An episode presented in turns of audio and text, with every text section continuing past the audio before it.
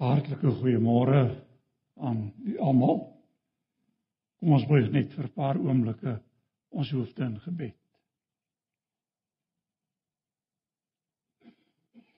Onse Vader, ons dank U dat ons in die naam van ons Here Jesus deur die Gees van ons God in hierdie oomblikke tot U kan nader. Ons kom na U toe in diepe afhanklikheid met ons nood en met al ons behoeftes. Met ons danksegging en ons vreugde. vir dit wat u in ons lewe doen, vir dit wat u besig is om te doen en vir dit wat u sal doen. En dankie vir die wonderlike wete vanmôre om verseker te kan weet dat u op pad is na u einddoel. En dat u dit sal bereik tot eer van u naam. Daarom bid ons dat soos wat ons hier by een is hierdie byeenkoms ook sy bydrae sal lewer en dat u dit sal gebruik tot eer van u naam. Dat u ons harte sal stil maak. Ons verstand sal verhelder. Ons ore sal open. En dat u deur u gees en deur u woord u woord in ons lewens sal ingraveer. Ons bid dit in Jesus naam. Amen.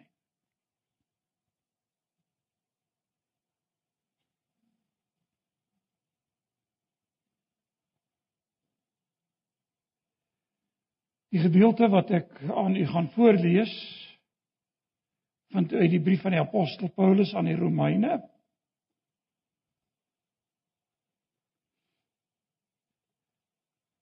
En ek gaan aan u voorlees hoofstuk 1.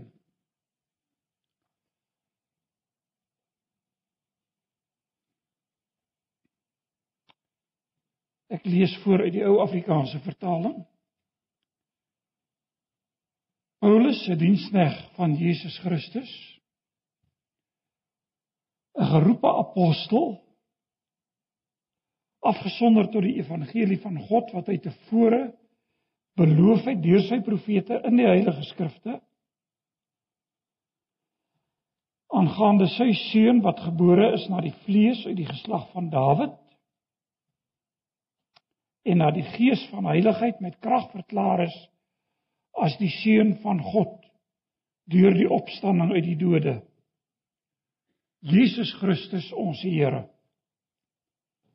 deur wie ons genade en die apostelskap ontvang het om geloofsgehoorsaamheid te verkry onder al die heidene ter wille van sy naam.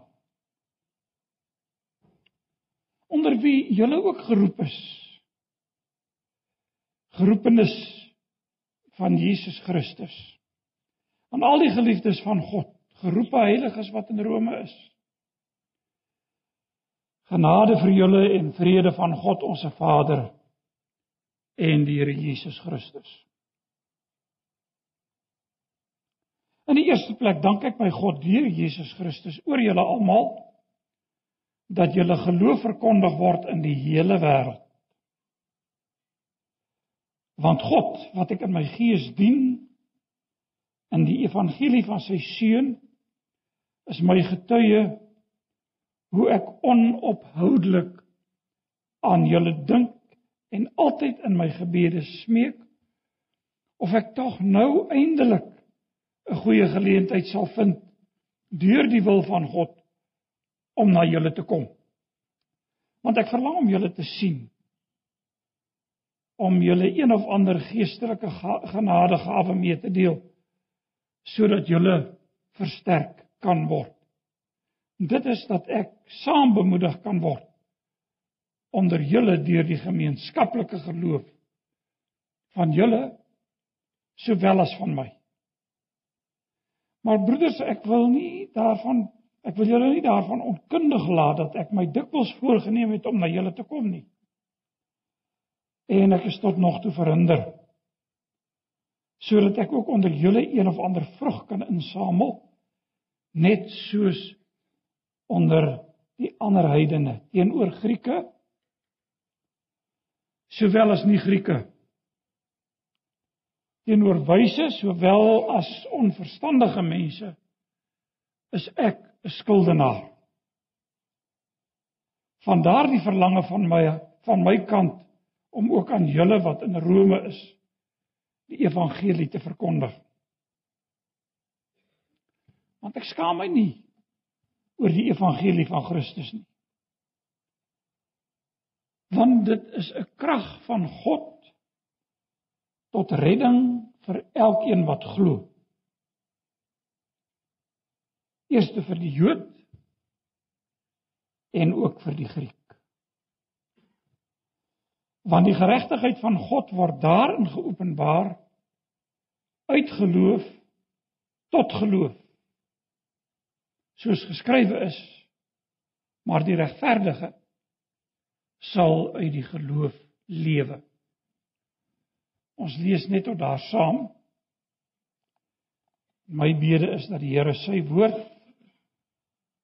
aan ons harte sal bevestig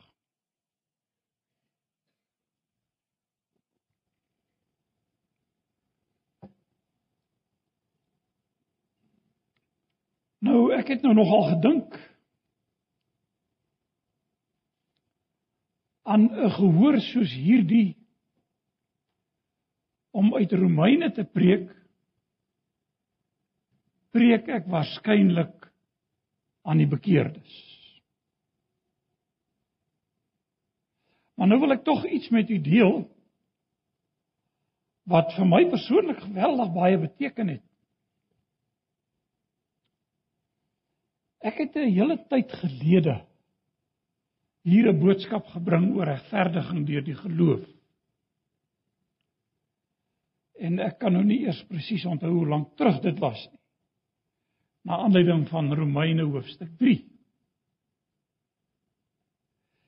En daarna het mense my kom sien en vir my gevra of ek nie 'n reeks saamgevat kan julle glo in twee boodskappe oor die hele Romeine wil bring. Nou dit is voorwaar 'n onhebbelike taak. Ek het ingewillig om dit te doen.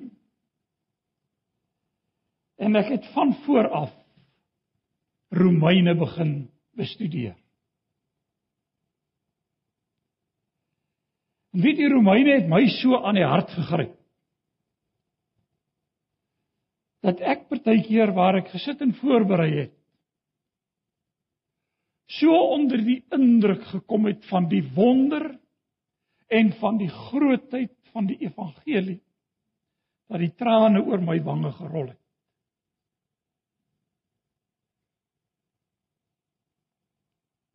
Die Bybelboek wat ek tog goed ken. En tog bly dit altyd nuut. Is dit altyd vars? En gryp dit 'n mens altyd aan die hart. Nou ek weet oor Romeine is daar verskriklik baie gesê. En oor Romeine is daar verskriklik baie gepreek. En wat sê en wat preek 'n mens nou nog oor Romeine?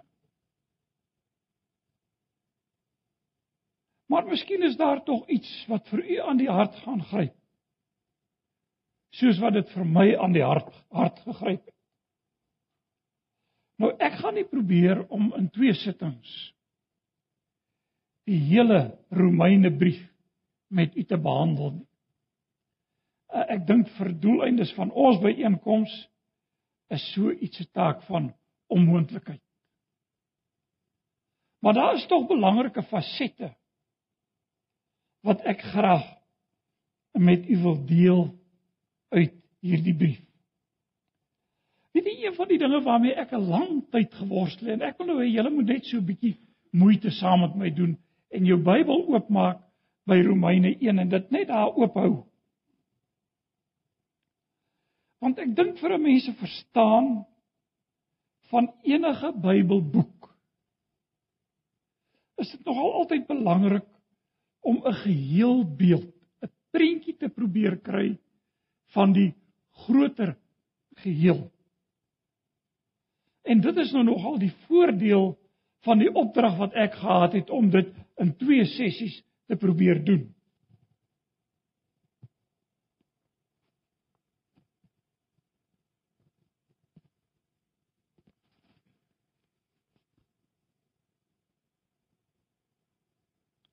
Lyk my terug in plek.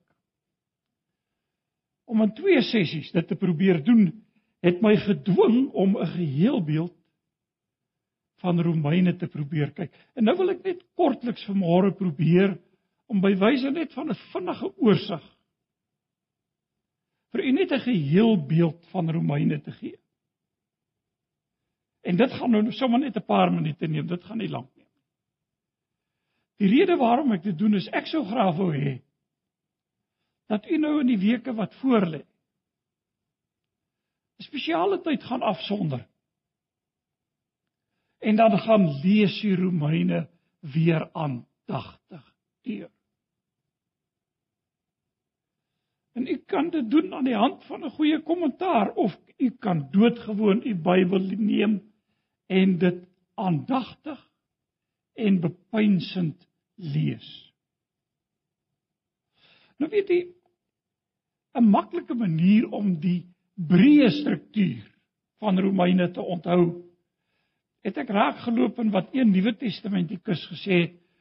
Hy het dit voorgehou soos 'n hofsaak.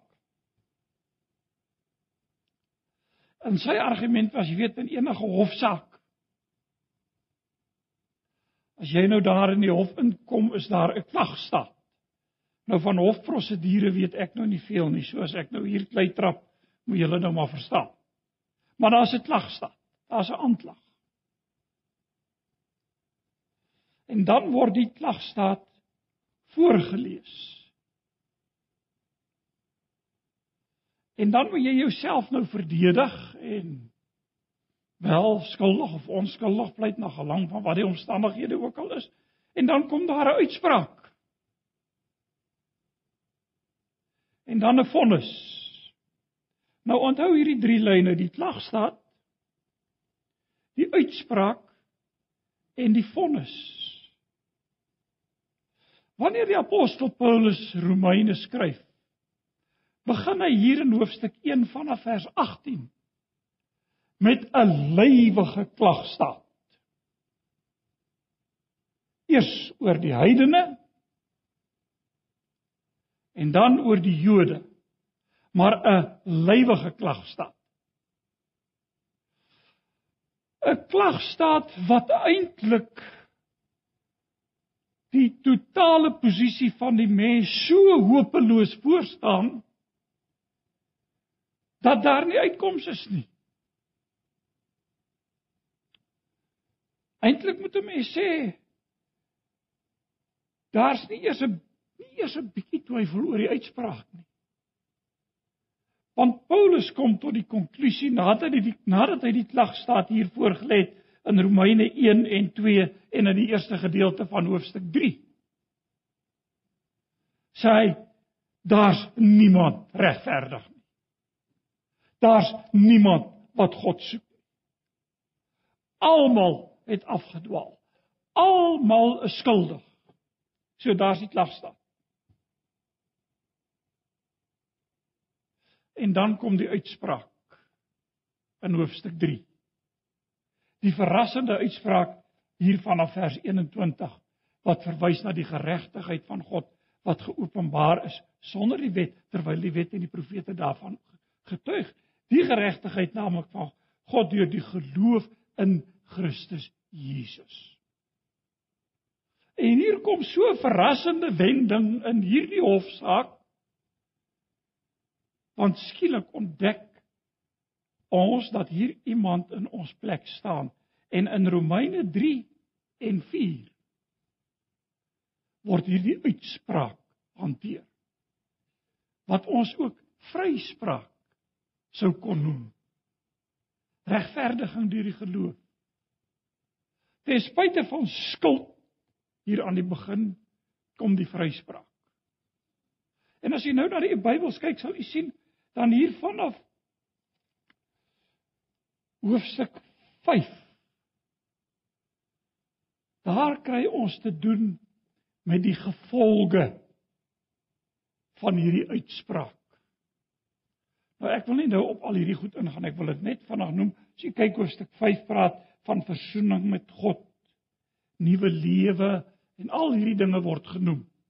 Hoofstuk 5, hoofstuk 6, hoofstuk 7, hoofstuk 8 hanteer dit die gevolge van hierdie uitspraak. Het jy die prentjie? Paulus begin dus met die klagstaat. Die uitspraak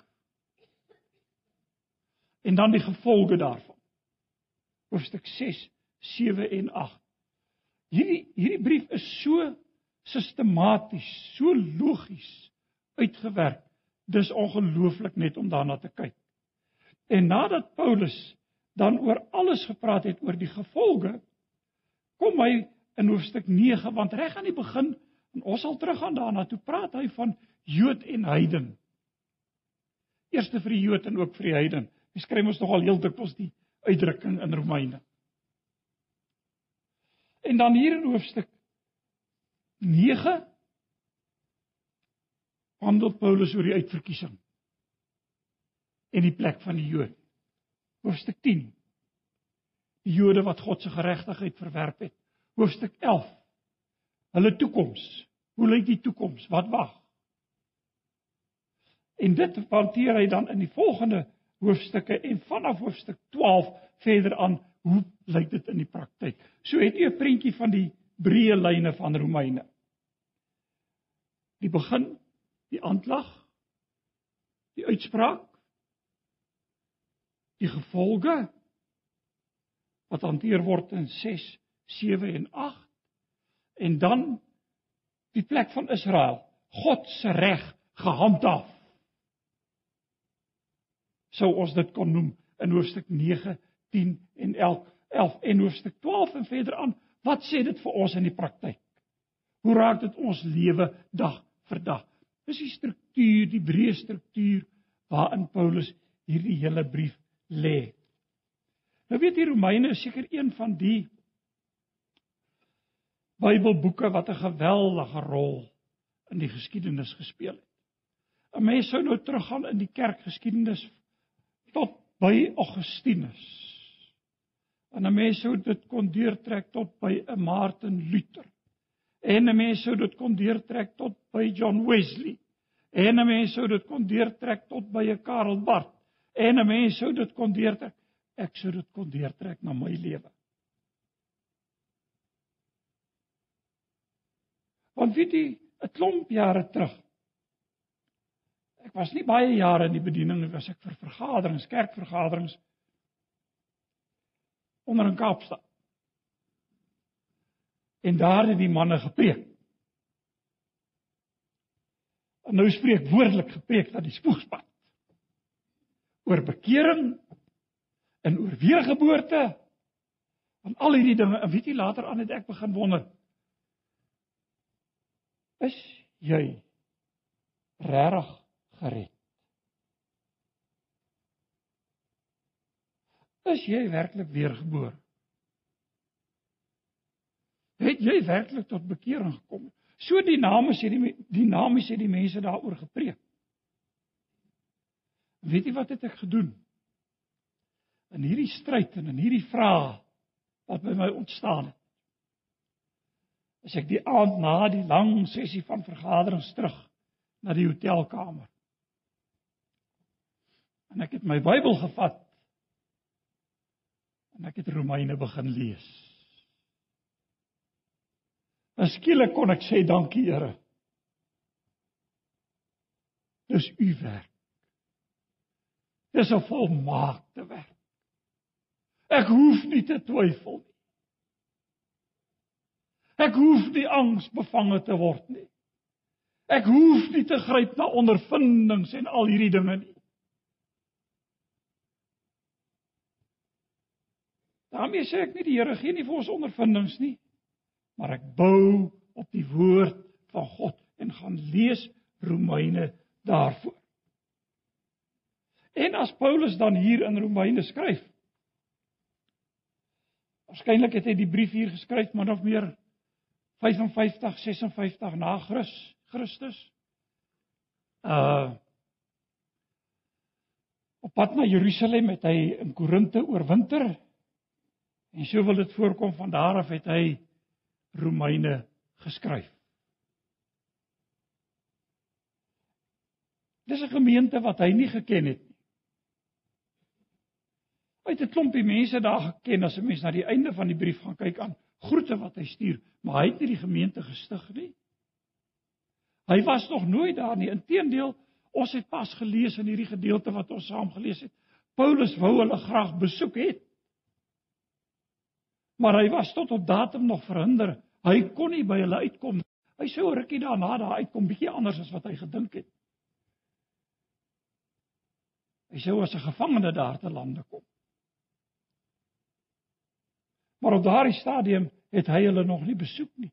So wat wil Paulus doen? Hy wil homself bekendstel by 'n gemeente. Sê wie hy Paulus is. Hy wil iets van die gemeente sê. En hy wil sy brief in 'n opsomming vir ons gee. En dis waarby ek wil hê ons moet stil staan. Paulus begin. Hy sê Paulus, 'n diensknegt, 'n slaaf, diensknegt van Jesus Christus. Nou weet jy as Paulus nou vir hierdie mense in Rome skryf, het hulle 'n goeie idee gehad van slawe. Jy weet daar's beweer dat van die Romeinse owerhede gesê het daar's meer slawe in Rome as wat daar burgers is.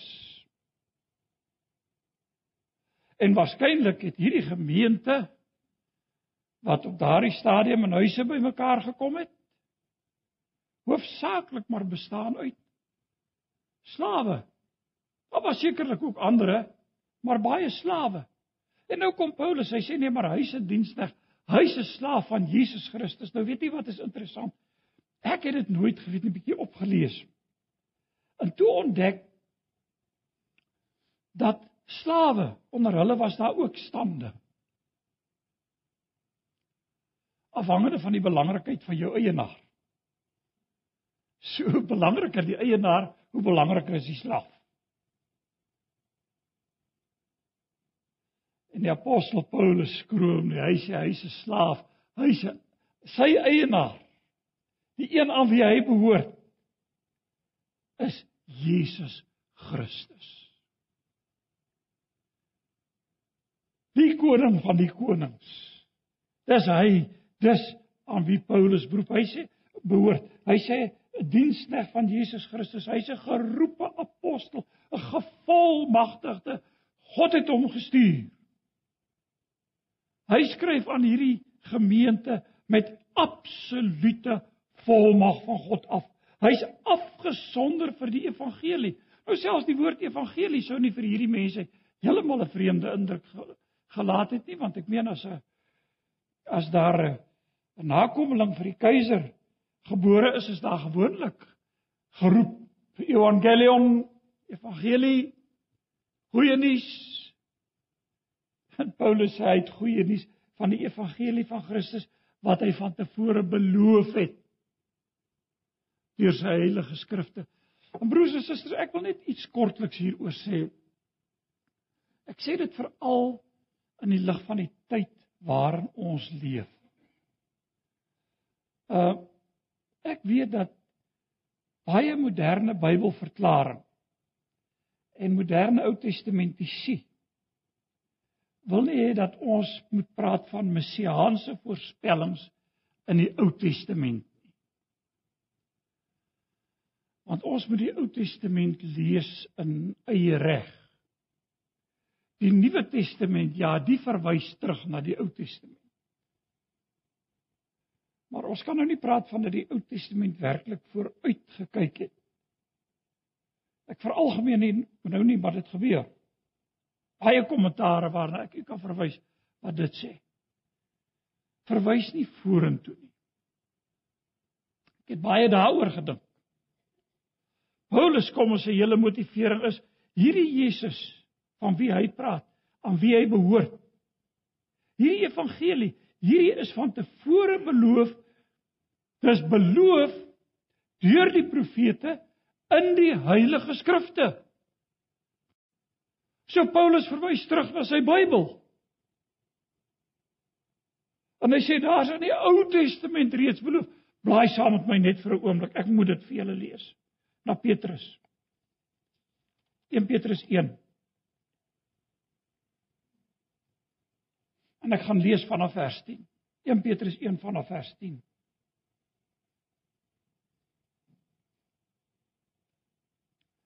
Aangaande hierdie saligheid het die profete wat geprofeteer het oor die genade wat vir julle bestem is nou wie is hierdie julle Petrus se lesers nie waar nie So dis Nuwe Testamentiese Christene Genade wat vir julle bestem is het hierdie het die profete nageondersoek en nagevors. En hulle het nagespeur op watter of hoedanige tyd die gees van Christus wat in hulle was gewys het toe hy vooruitgetuig het van die lyde wat oor Christus sou kom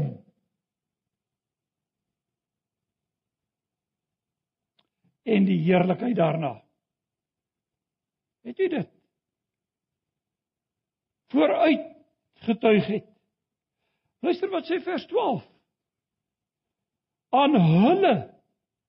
Dis nou hierdie profete van wie hy praat. Aan hulle is geopenbaar dat hulle nie vir hulle self nie, maar vir ons die dinge bedien het wat julle nou aangekondig is deur die wat die evangelie aan julle verkondig het in die Heilige Gees wat van die hemel gestuur is.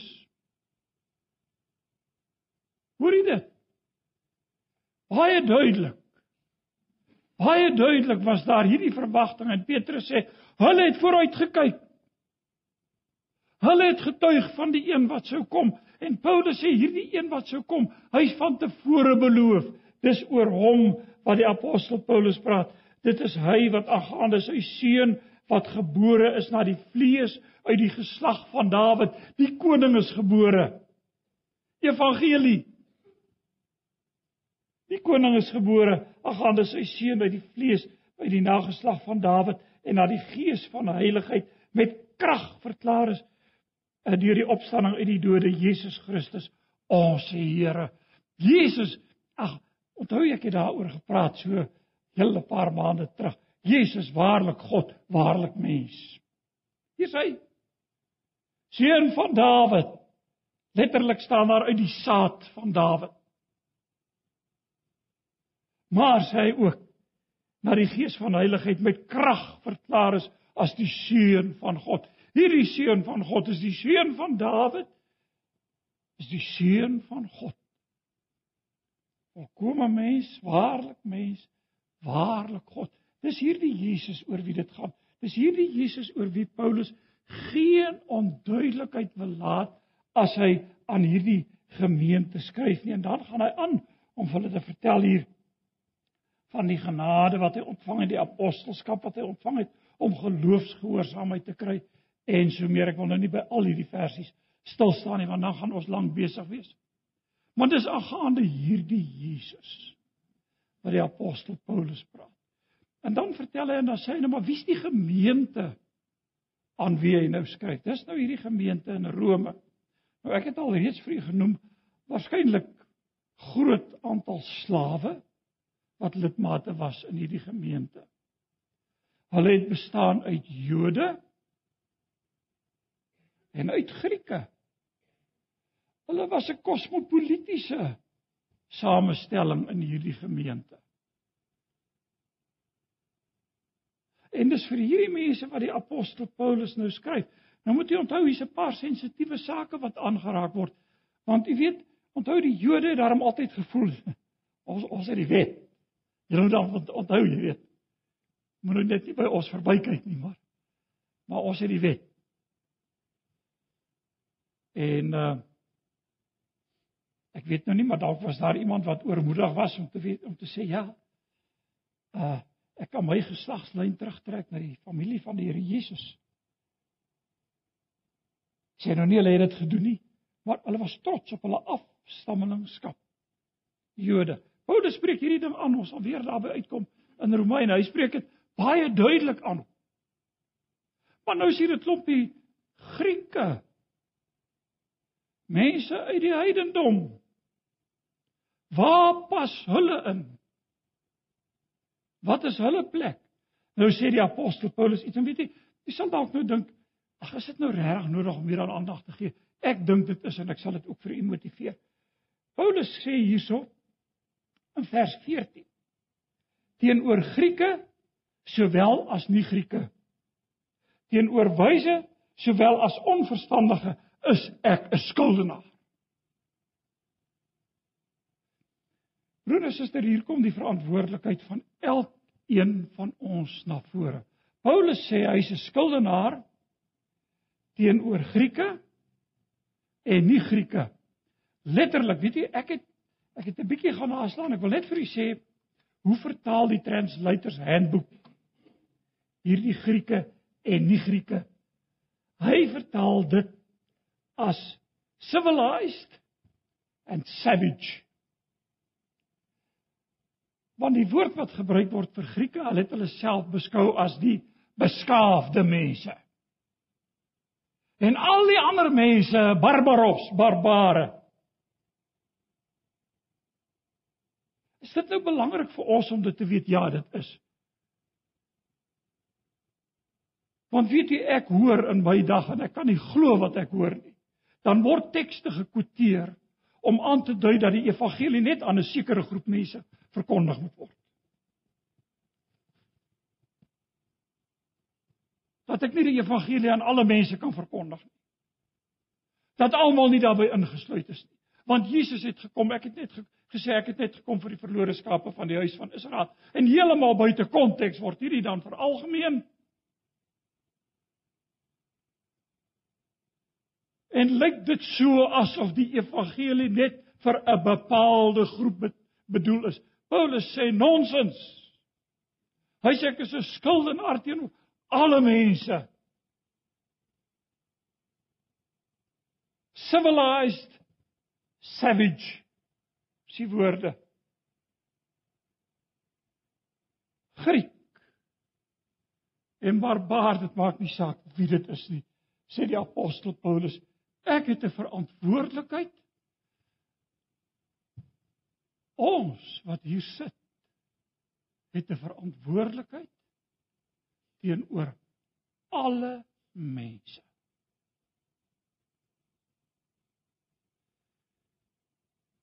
Daarom sê hy teenoor Grieke sowel as nie Grieke, Grieke teenoor wyse sowel as onverstandige mense is ek 'n skuldenaar. Ek is in die skuld by daardie mense.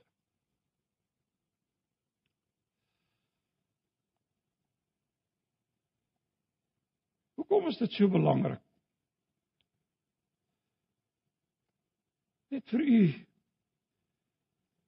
Ek het nie vir al daarna verwys het hier nie. Ek het baie jare terug en ek praat nou regtig van baie jare ek en ek het die tydskrif ek is so spyt ek het die ding so goed gebeere ek weet nie waar hy is nie. Hy is iewers.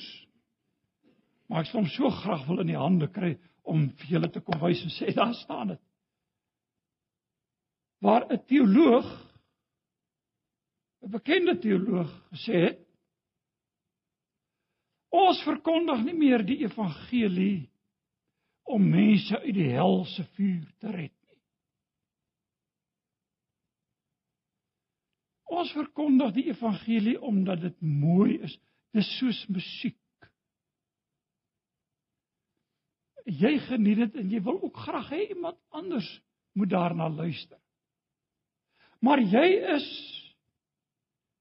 'n moslim gebore of jy's 'n Christen gebore. En dis nie goed om godsdienstig te migreer nie. So verryk kom in sy eie kultuur en in sy eie godsdiens. Dis die doel daarvan. Wat sê die apostel apostel Paulus, weet jy ek is so dankbaar. As dit die Nuwe Testamentiese Christene, as dit die apostel Paulus se benadering was, het niemand die evangelie gehoor nie. Het ons almal gelewe in stukke duisternis. Maar Jesus het gesê, gaan die wêreld in en verkondig die evangelie aan alle mense. En dis hierby wat die apostel Paulus aansluit en hy sê ek is 'n skuldenaar. Ek is 'n skuldenaar teen alle teenoor alle mense, teenoor Griek, teenoor nie Griek, dit maak nie saak wie dit is. Ek is 'n skuldenaar. Weet jy dit maak ons verantwoordelikheid soveel groter. Om net vanmôre te weet daardie taak is aan die kerk toe vertrou. Daardie opdrag opdrag is ook aan hierdie gemeente toe vertrou. Want in 'n bepaalde sin is almal van ons 'n skuldenaar, want sê die apostel Paulus en hy kom by die tema van die hele Romeine en daarby gaan ek afsluit vanmôre by hierdie tema. Vers 16 en 17 van die apostel Paulus die hele Romeine brief amper in 'n neutedop saam. Wanneer hy sê luister na die woorde, want ek skaam my nie oor die evangelie van Christus nie. Want dit is 'n krag van God tot redding vir elkeen wat glo, eerste vir die Jood en ook vir die Griek. Want die geregtigheid van God word daarin geopenbaar uit geloof tot geloof soos geskrywe is, maar die regverdige sal uit die geloof leef. Daar's die hart van Romeine die hart van die hele Romeine en Paulus sê ek skaam my nie. En weet jy as ek hierdie woorde lees nou wil ek vir u sê ek sê nooit dis maklik om te preek nie.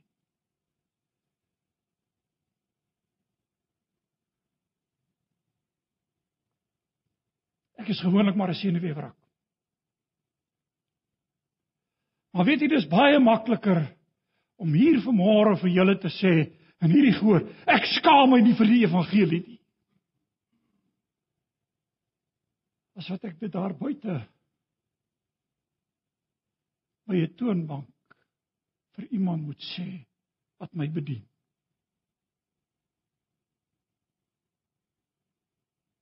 Ek moet hierdie net sê, weet jy, dis vir my so belangrik.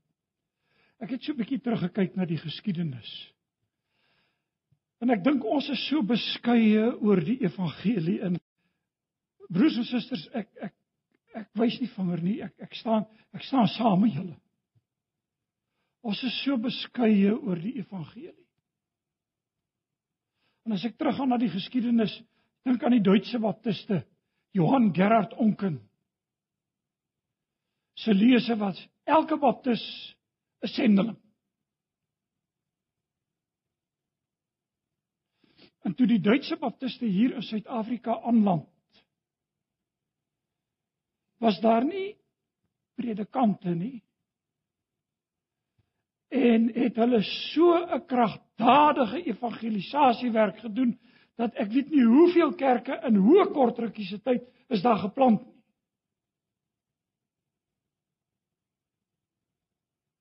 Uitgereik totdat hulle vir Johan Gerard Onken 'n brief gestuur het te sê asseblief stuur vir ons iemand om ons te kon kom help.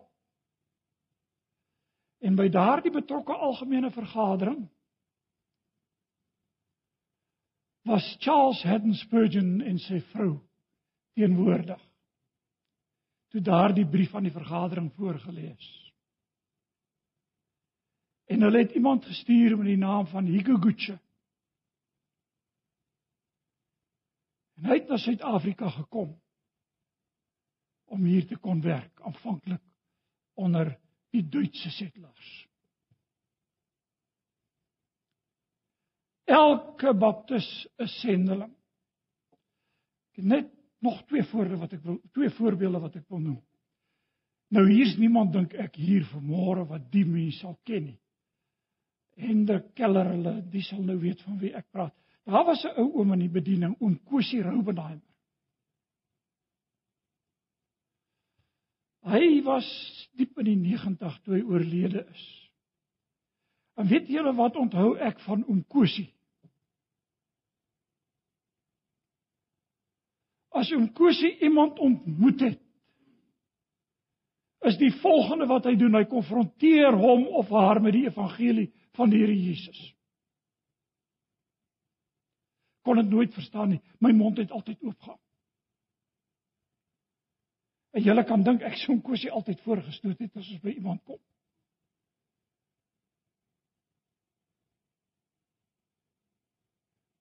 Hier in Pretoria is daar 'n bankroof. En hom Kosie is ook daar aan die bank gewees. Seker maar gaan geldjies trek of iets. En toe hulle hulle oë uitvee teen die vloergrond. En hulle word beroof sy oorlosie afgepluk. Ou man, daai stadium diep in die 80. En hulle beroof die bank. 'n Storm weer daar uit almal met maskers en goed op met vuurwapens. En die volgende oomblik is uit. En toe begin die mense rondskarrel en kosie. Wag, wag, wag, wag mense, kom. Kom ons kom by mekaar. Kom. Kom ons dank die Here dat hy vir ons bewaar het deur hierdie krisis waarin ons so pas was en hy bid daar in teenwoordigheid van al die mense. Ek skaam my nie vir die evangelie van Christus nie. En ek onthou my eie ma het klomp jare terug kort voor haar dood kom sy van haar suster af, sy het met die bus gegaan. En ek kry haar hier in Pretoria. En toe ek haar kry, toe sê sy, "My kind kom saam. Jy gaan voorstel aan mense." Mense saam met wie sy gery het in die bus met wie sy die evangelie gedeel het.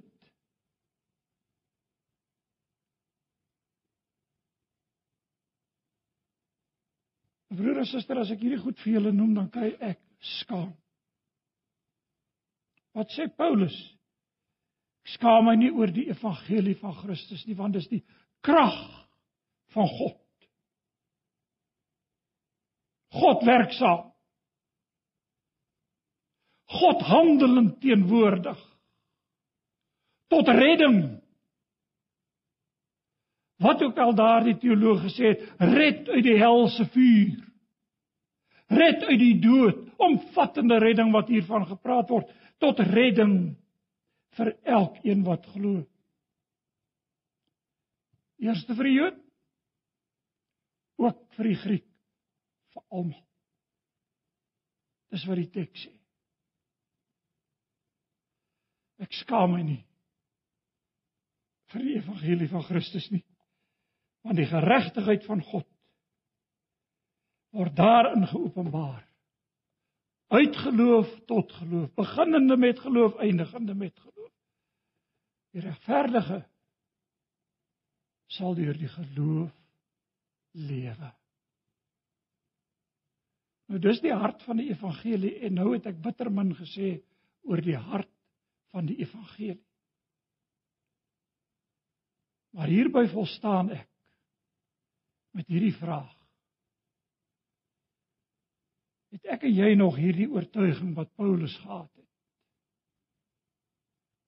Ek skaam my nie oor die evangelie van Christus nie. Ons buig ons hoofde in gebed.